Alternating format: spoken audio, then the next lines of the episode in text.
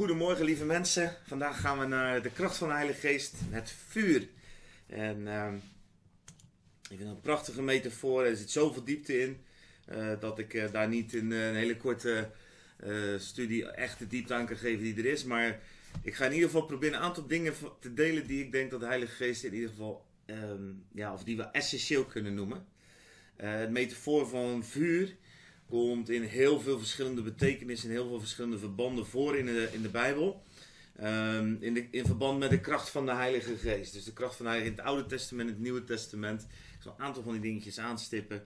En dan mocht ik nog eens ergens tijd over hebben, zal ik zeker over. eh, eh, ik eens een aantal preken gehouden, ook over het vuur van de Heilige Geest. Er zit zoveel diepte in.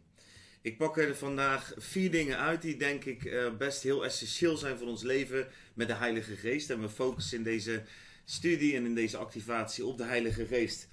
Ehm, God als een verterend vuur. God als een louterend vuur. Het vuur van Gods heerlijkheid.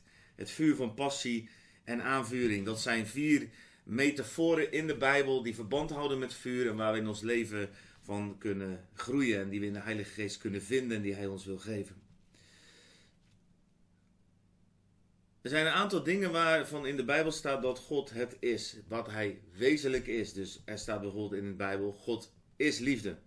Dat is dus wat anders dan dat Hij lief is of dat Hij lief doet. Hij is het daadwerkelijk. En ik heb jullie een aantal eh, dagen geleden eh, Ezekiel 1 laten lezen. Nou, daar zie je allerlei dingen ook. Ook daar komt God overigens als vuur eh, naar voren. De Heilige Geest, in het bijzonder ook trouwens in Ezekiel 1. Maar goed, God is vuur. En dat staat in Hebreeën ehm 12 vers 29. Dat staat ook in Deuteronomium 4 vers 4, eh, 24. In Hebreeën 12 wordt eigenlijk geciteerd vanuit het Oude Testament. Ehm, onze God is een, verte- een verterend vuur. Dus God is in zichzelf is vuur. Dus dat zegt iets over hem. Eh, hoe eh, ja, hoe, hoe onmetelijk krachtig en hoe, hoe onvoorstelbaar hij ook is. Hoe wij hem ook nooit zullen kunnen vatten of begrijpen. Want wat kunnen wij nou begrijpen van iets wat vuur is? En eh, wat dan weer gepaard gaat met liefde. Dus daarom is het zo goed om ons te verdiepen in die lagen die allemaal in het woord verdiept zitten. Zodat we steeds meer ook hem mogen leren kennen. En het is belangrijk om hem te leren kennen, zeker als, als het gaat om het ontvangen van zijn vuur in ons leven. Dan moet je wel een bepaalde vertrouwensbasis hebben om dat toe te kunnen laten. Ik heb daar zelf heel erg lang mee geworsteld. Eh, de dingen die het vuur van God in je leven doen, het vuur van de Heilige Geest brengt bepaalde zaken in je leven nou ja, in beweging zou je kunnen zeggen, waar we straks dan even doorheen gaan. Ik heb heel lang heb ik daartegen eigenlijk een soort gevochten, omdat ik dat heel spannend vond. En ehm, omdat ik ehm, ehm, ja, misschien dingen heel moeilijk los kon laten, terwijl dat juist de kracht van het vuur van de Heilige Geest is. Moeite had om de heerlijkheid van God te ontvangen in mijn leven. Het is zelfs zo dat ik tijden echt wegrende uit de kerk waar ik op dat moment was. Eh, als, als de Heilige Geest ging werken en als het vuur van God, eh, als, ik, als ik merkte dat God mij aan wilde raken, dan, eh, dan ging ik gewoon naar buiten en dan op een bepaald moment kwam ik weer terug als bijvoorbeeld de preek begon of iets, of als ik weer dacht dat het veilig was. Dus kijk, niets menselijks is mij vreemd. Dus ook als je deze filmpjes kijkt en ja, soms heb je misschien zoiets van, ja, wat die man allemaal vertelt of die activaties, ik, ik ken er allemaal niet zoveel mee. Blijf gewoon luisteren, blijf gewoon nemen, blijf beoordelen, beproef alle dingen en behoud het goede.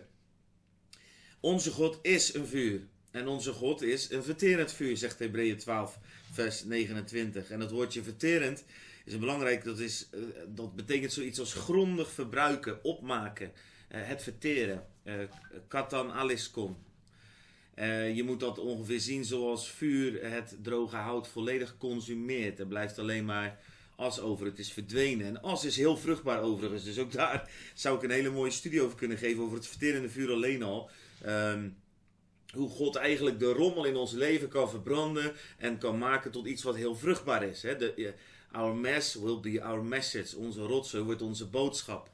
Ehm, dezelfde tekst komt terug in het Oude Testament. Daar staat, want de Heer uw God is een verterend vuur, een naijverig God. Eh daar staat het woordje kina. Deuteronomium 4 vers 24 is dat overigens. Zijn kina, zijn ijver, zijn jaloezie, zijn vuur. God wil ons helemaal. Hij heeft recht op ons en hij begeert ons als, als een jaloers God. Eh, voor sommige mensen zijn dit hele heftige dingen. Ik heb dat zelf ook gekend. Ik was vroeger doodsbang voor God. Ehm, ik heb er wel eens eerder wat al over verteld in deze filmpjes. En eh, God als een verterend vuur, dat was voor mij een angstbeeld van toren en boosheid en woede. En hoe moest ik aan die God ontkomen die een verterend vuur was? Het grappige is, nu ik hem ken, ben ik juist heel erg blij voor dat verterende vuur. Er staat in uh, 1 Korinthe 3 vers, uh, in 1 Korinthe 3 vers 13 tot 16 staat een tekst van um, dat als wij ieders werk zal openbaar worden, staat er de dag zal namelijk duidelijk maken, de dag dat God gaat oordelen, uh, omdat die in vuur verschijnt. En hoe ieders werk is, zal het vuur dan beproeven. Als iemands werk dat hij op het fundament gebouwd is stand houdt, zal hij loon ontvangen. Maar als iemands werk verbrandt, zal hij schade lijden. Hij zelf zal echter behouden worden, maar als door vuur heen. En um, ik zeg altijd, God, u bent een verterend vuur. Ik bied eigenlijk mijn, mijn rotzooi. Alles wat niet gefundeerd is op u. Alles wat niet gefundeerd is op het werk van de Heilige Geest. Alles wat niet gefundeerd is op het werk van Jezus. En alles wat niet ge, ge, gefundeerd is op de liefde van de Vader. Ik bied het nu al aan. Verbrand het, Heer. Verteer het. U bent een verterend vuur. Ik nodig u uit. Verbrand alles in mij wat niet van u is. Dus ik heb dat verterende vuur heb ik als het ware omarmd. In plaats van dat ik daar bang voor ben. En dat heeft uh, echt een kracht in mijn leven. Dat ik die dingen altijd gewoon onder zijn vuur kan brengen. Dat ik weet, oké, de dingen die niet goed zijn, daar wil hij me echt mee helpen om daarmee af te rekenen. Om dat weg te doen uit mijn leven. Het mooie is, de volgende, in vers 16 in 1 Korinthe 3 vers 13 staat dan gelijk... En weet u niet dat u Gods tempel bent en dat de geest van God in u woont? Dus het vuur van God, de vurigheid van God, is bijna in elk schriftgedeelte waar je tegenkomt. En dat kom je door de hele Bijbel heen, gekoppeld aan het werk van de geest van God. God Gods geest is dat wat de vurigheid van God zichtbaar maakt en tastbaar maakt. Weet u niet dat u Gods tempel bent en de geest van God in u woont? Dus ook een belangrijke vers voor het tweede punt wat ik eigenlijk wil behandelen. Namelijk de Heilige Geest is een kracht en in het vuur, gaat ook over het vuur van Gods heerlijkheid. Als God verschijnt in zijn vuur, of als God zijn vuur op jouw leven geeft, is dat ook het vuur van zijn aanwezigheid, van zijn heerlijkheid, zijn, zijn Shekinah glorie, zijn tastbare, voelbare aanwezigheid wil God echt geven. De Heilige Geest staat hier zo mooi. Weet u niet dat u Gods tempel bent en dat de Heilige Geest, de Geest van God in u woont? Nou, als je dan door de geschiedenis heen gaat, dan zie je dat um, Gods Geest en Gods heerlijkheid verschijnt vaak met vuur. Uh, dat is op het moment dat de tabernakel gereed komt. Um, in Leviticus 6 uh, kan je dat lezen, of nee, Leviticus 9. Uh, daar staat dan: Het vuur ging uit van het aangezicht van de Heer en verteerde het brandoffer en, en de vetdelen op het altaar. En toen heel dit volk het zag, juichten zij en wierpen ze zich met hun gezicht ter aarde. En de heerlijkheid van de Heer verscheen aan heel het volk. Als de dienst van het tabernakel ingesteld wordt. Hetzelfde gebeurt weer als de eerste tempel gereed is. En dat kan je lezen in 1 Kronieken 7 vers 1. Toen Samuel, toen staat er, toen Salomo geëindigd had dit gebed te bidden, kwam het vuur uit de hemel neer en verteerde het brandoffer en de slachtoffers. En de heerlijkheid van de Heere vervulde het huis. Dus, dus elke keer als er iets gereed komt rondom de dienst van God, dan komt dat vuur. En dat zie je dus ook in Handelingen 2. Daar zie je dus, als de Heilige Geest komt en de gemeente wordt geboren, dan komt er plotseling uit de hemel het geluid van een geweldige ruach, windvlaag. En dat vervulde heel het huis waarin zij zaten. En aan hen werden tongen als van vuur gezien, die zich verdeelden en het zat op ieder van hen. Handelingen 2, vers 2 tot 3.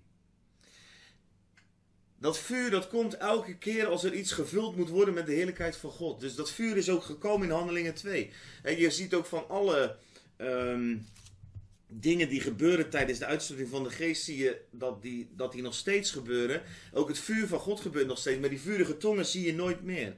In de eerste tempel is ook nooit meer het vuur vanuit de hemel gekomen. In de tabernakel is ook nooit meer op die manier, heeft God zelf het vuur gegeven. En dat klopt ook, want hij zegt in het woord dit. God zegt, het vuur op het altaar zal brandende gehouden worden, het mag niet uitgaan. En daarop zal de priester elke morgen het hout aansteken enzovoort. En dan staat er, en het vuur zal voortdurend brandende gehouden worden op het altaar, het mag niet uitgaan. Dus dat vind je in Leviticus 6, vers 12 tot 13.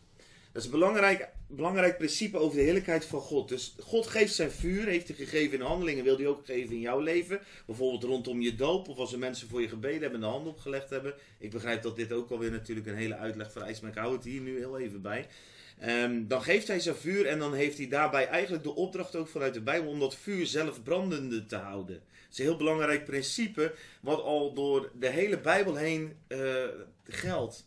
En uh, ik zou hier ik heb natuurlijk een enorme verleiding om hier heel diep op in te gaan. Maar ik geloof echt dat het belangrijk is dat je dit begrijpt. Maar voor nu is dit denk ik voldoende. Um, het vuur wat God geeft, moeten wij zelf brandend houden. Maar God wil nog steeds komen als een vuur van zijn heerlijkheid, van zijn aanwezigheid. Zodat we zijn aanwezigheid in ons leven gewoon gaan ervaren. Net als dat zichtbaar was in de tempel, net als dat zichtbaar was in de tabernakel. Zo zijn wij de derde tempel. Weet u niet dat de geest van God in u woont en dat uw lichaam een tempel van de Heilige Geest is, waarin dat vuur mag branden? De Heilige Geest is ook een louterend vuur. En daar staan ook heel veel mooie teksten van in de Bijbel. Ik denk aan Micha 3, Zacharia 13. Maar ik pak even 1 Petrus 1, vers 7 tot 8 van willen de tijd. Daar staat op dat de echtheid van uw geloof kostbaarder is dan vergankelijk goud dat door vuur beproefd wordt tot lof, heerlijkheid en eer blijken te zijn bij de openbaring van Jezus Christus. Hem hebt gij lief zonder hem gezien te hebben. In hem gelooft gij zonder hem thans te zien. En gij verheugt u met een onuitsprekelijke en verheerlijkte vreugde. 1 Petrus 1, vers 7 tot 8. Het geloof, uh, de mens die beproefd wordt uh, door God als, um, um, uh, als, een, als vergankelijk goud wat door vuur beproefd wordt. Wij zijn nog kostbaarder dan dat vergankelijke goud wat door vuur beproefd wordt. Ik raakte even, even, ik raakte even wat in de war met de woorden beproeven. God beproeft je. Hebreeën 12 spreekt daar ook over. God verzoekt niet, dat staat ook in Jacobus. Uh, maar hij beproeft ons wel. Hij beproeft ons. De hele Bijbel staat er vol mee. Zo vormt hij ook ons karakter door te snoeien, door te beproeven, door onze situaties te brengen als vuur. En in het Oude Testament komt dat beeld ook terug. In Jezaja kan je erover lezen, Zacharia 13 lees je erover, Micha 3 lees je erover. Dat God ons geloof en ons, ons wil beproeven als um, een zilversmid, als een goudsmid. En ik vind dat altijd een heel mooi beeld en dat wil ik nog kort met jullie delen. Want die goudsmid, die, die, dat vuur onder dat goud werd dan heet gemaakt. En dan begon dat te borrelen en, en dan kwam dat vuil om naar boven in dat goud of dat zilver. En die goudsmid schepte dat er dan af.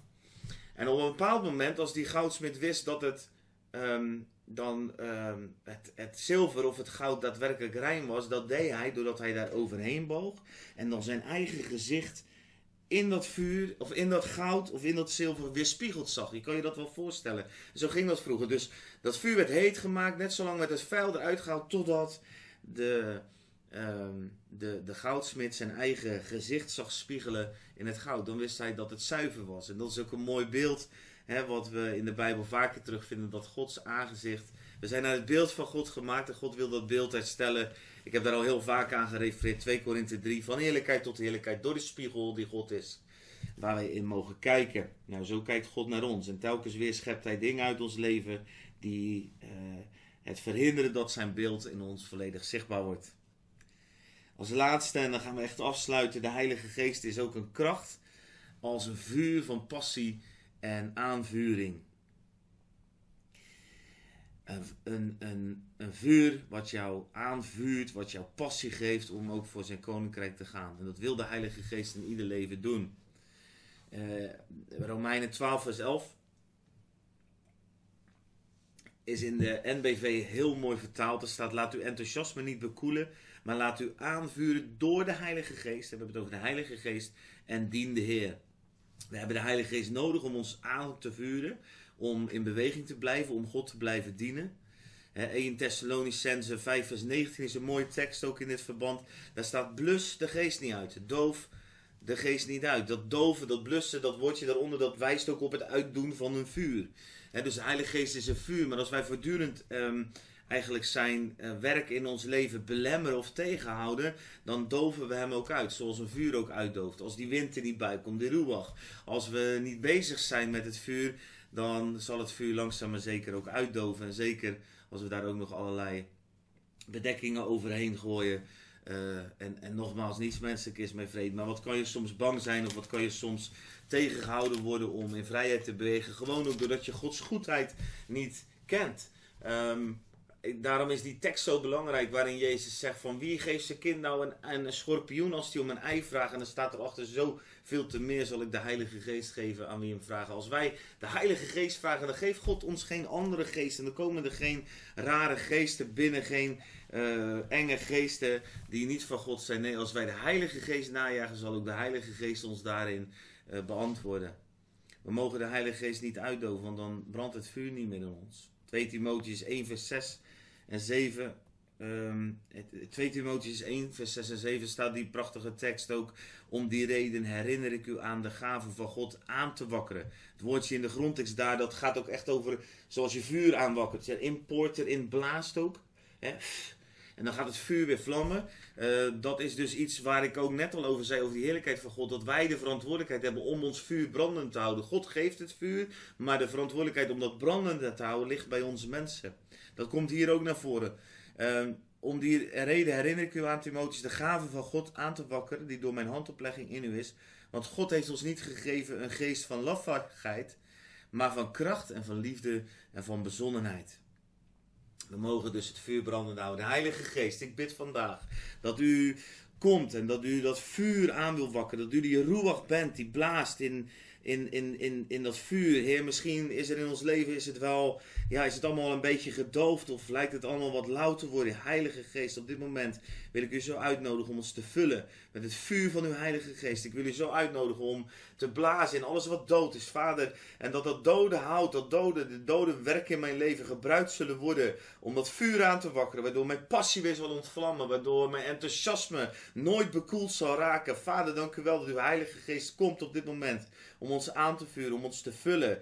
En dank u wel dat hij onze geest ook met de Heilige Geest één is geworden. Zodat we een geest hebben van, van kracht en van bezonnenheid en van liefde. En niet van lafhartigheid en van vreesachtigheid. Vader, dank u wel dat u op dit moment ons vult met uw vuur. We willen ons daarna uitstrekken. Ook al vinden we dat spannend.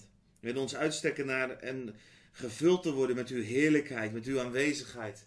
We willen ons, ons leven aanbieden zodat u ons kunt louteren. Heer, dat u die, die, die goudsmid, die zilversmid mag zijn die het vuur opstookt om alleen maar het vuil uit ons leven weg te halen totdat we uw beeld weer spiegelen in deze wereld. En ik wil u ook zo uitnodigen om een verterend vuur te zijn. Dat daar waar ik u tegenwerk in mijn leven. Daar waar wij soms zo u blokkeren. Heer, dat u komt met uw vuur. En dat u ons laat zien dat de dingen weg moeten uit ons leven. Dat u ze met liefdevolle uh, aanwezigheid verbrandt en wegneemt. En Vader, dat we aangevuurd zullen worden. Dat we vol zullen zijn van uw passie en van uw vuur. Dat bid ik. En ik zet dat ook vrij over jou in de naam van Jezus. Dat je het zal ontvangen. En dat alles wat dat tegenhoudt, dat het zal moeten wijken in de naam van Jezus. Amen. Amen. Een kleine opdracht vandaag. Lees vandaag Openbaringen 3, vers 14 tot 22. Dat gaat over heet zijn. Niet koud, niet lauw, maar heet zijn. En dat gaat over dat we dat God ons, Jezus, ons de raad geeft om van hem goud te kopen, gelouterd door vuur en ogenzalf. En ik zou willen vragen om dat te lezen, Openbaringen 3, vers 14 tot 22. En daar gewoon zelf met de Heilige Geest een moment over na te denken. Dat woord in te laten komen en dat de Heilige Geest dat woord levend mag maken voor jou. Heel veel zegen vandaag en ik hou van jullie. En vast een goed weekend.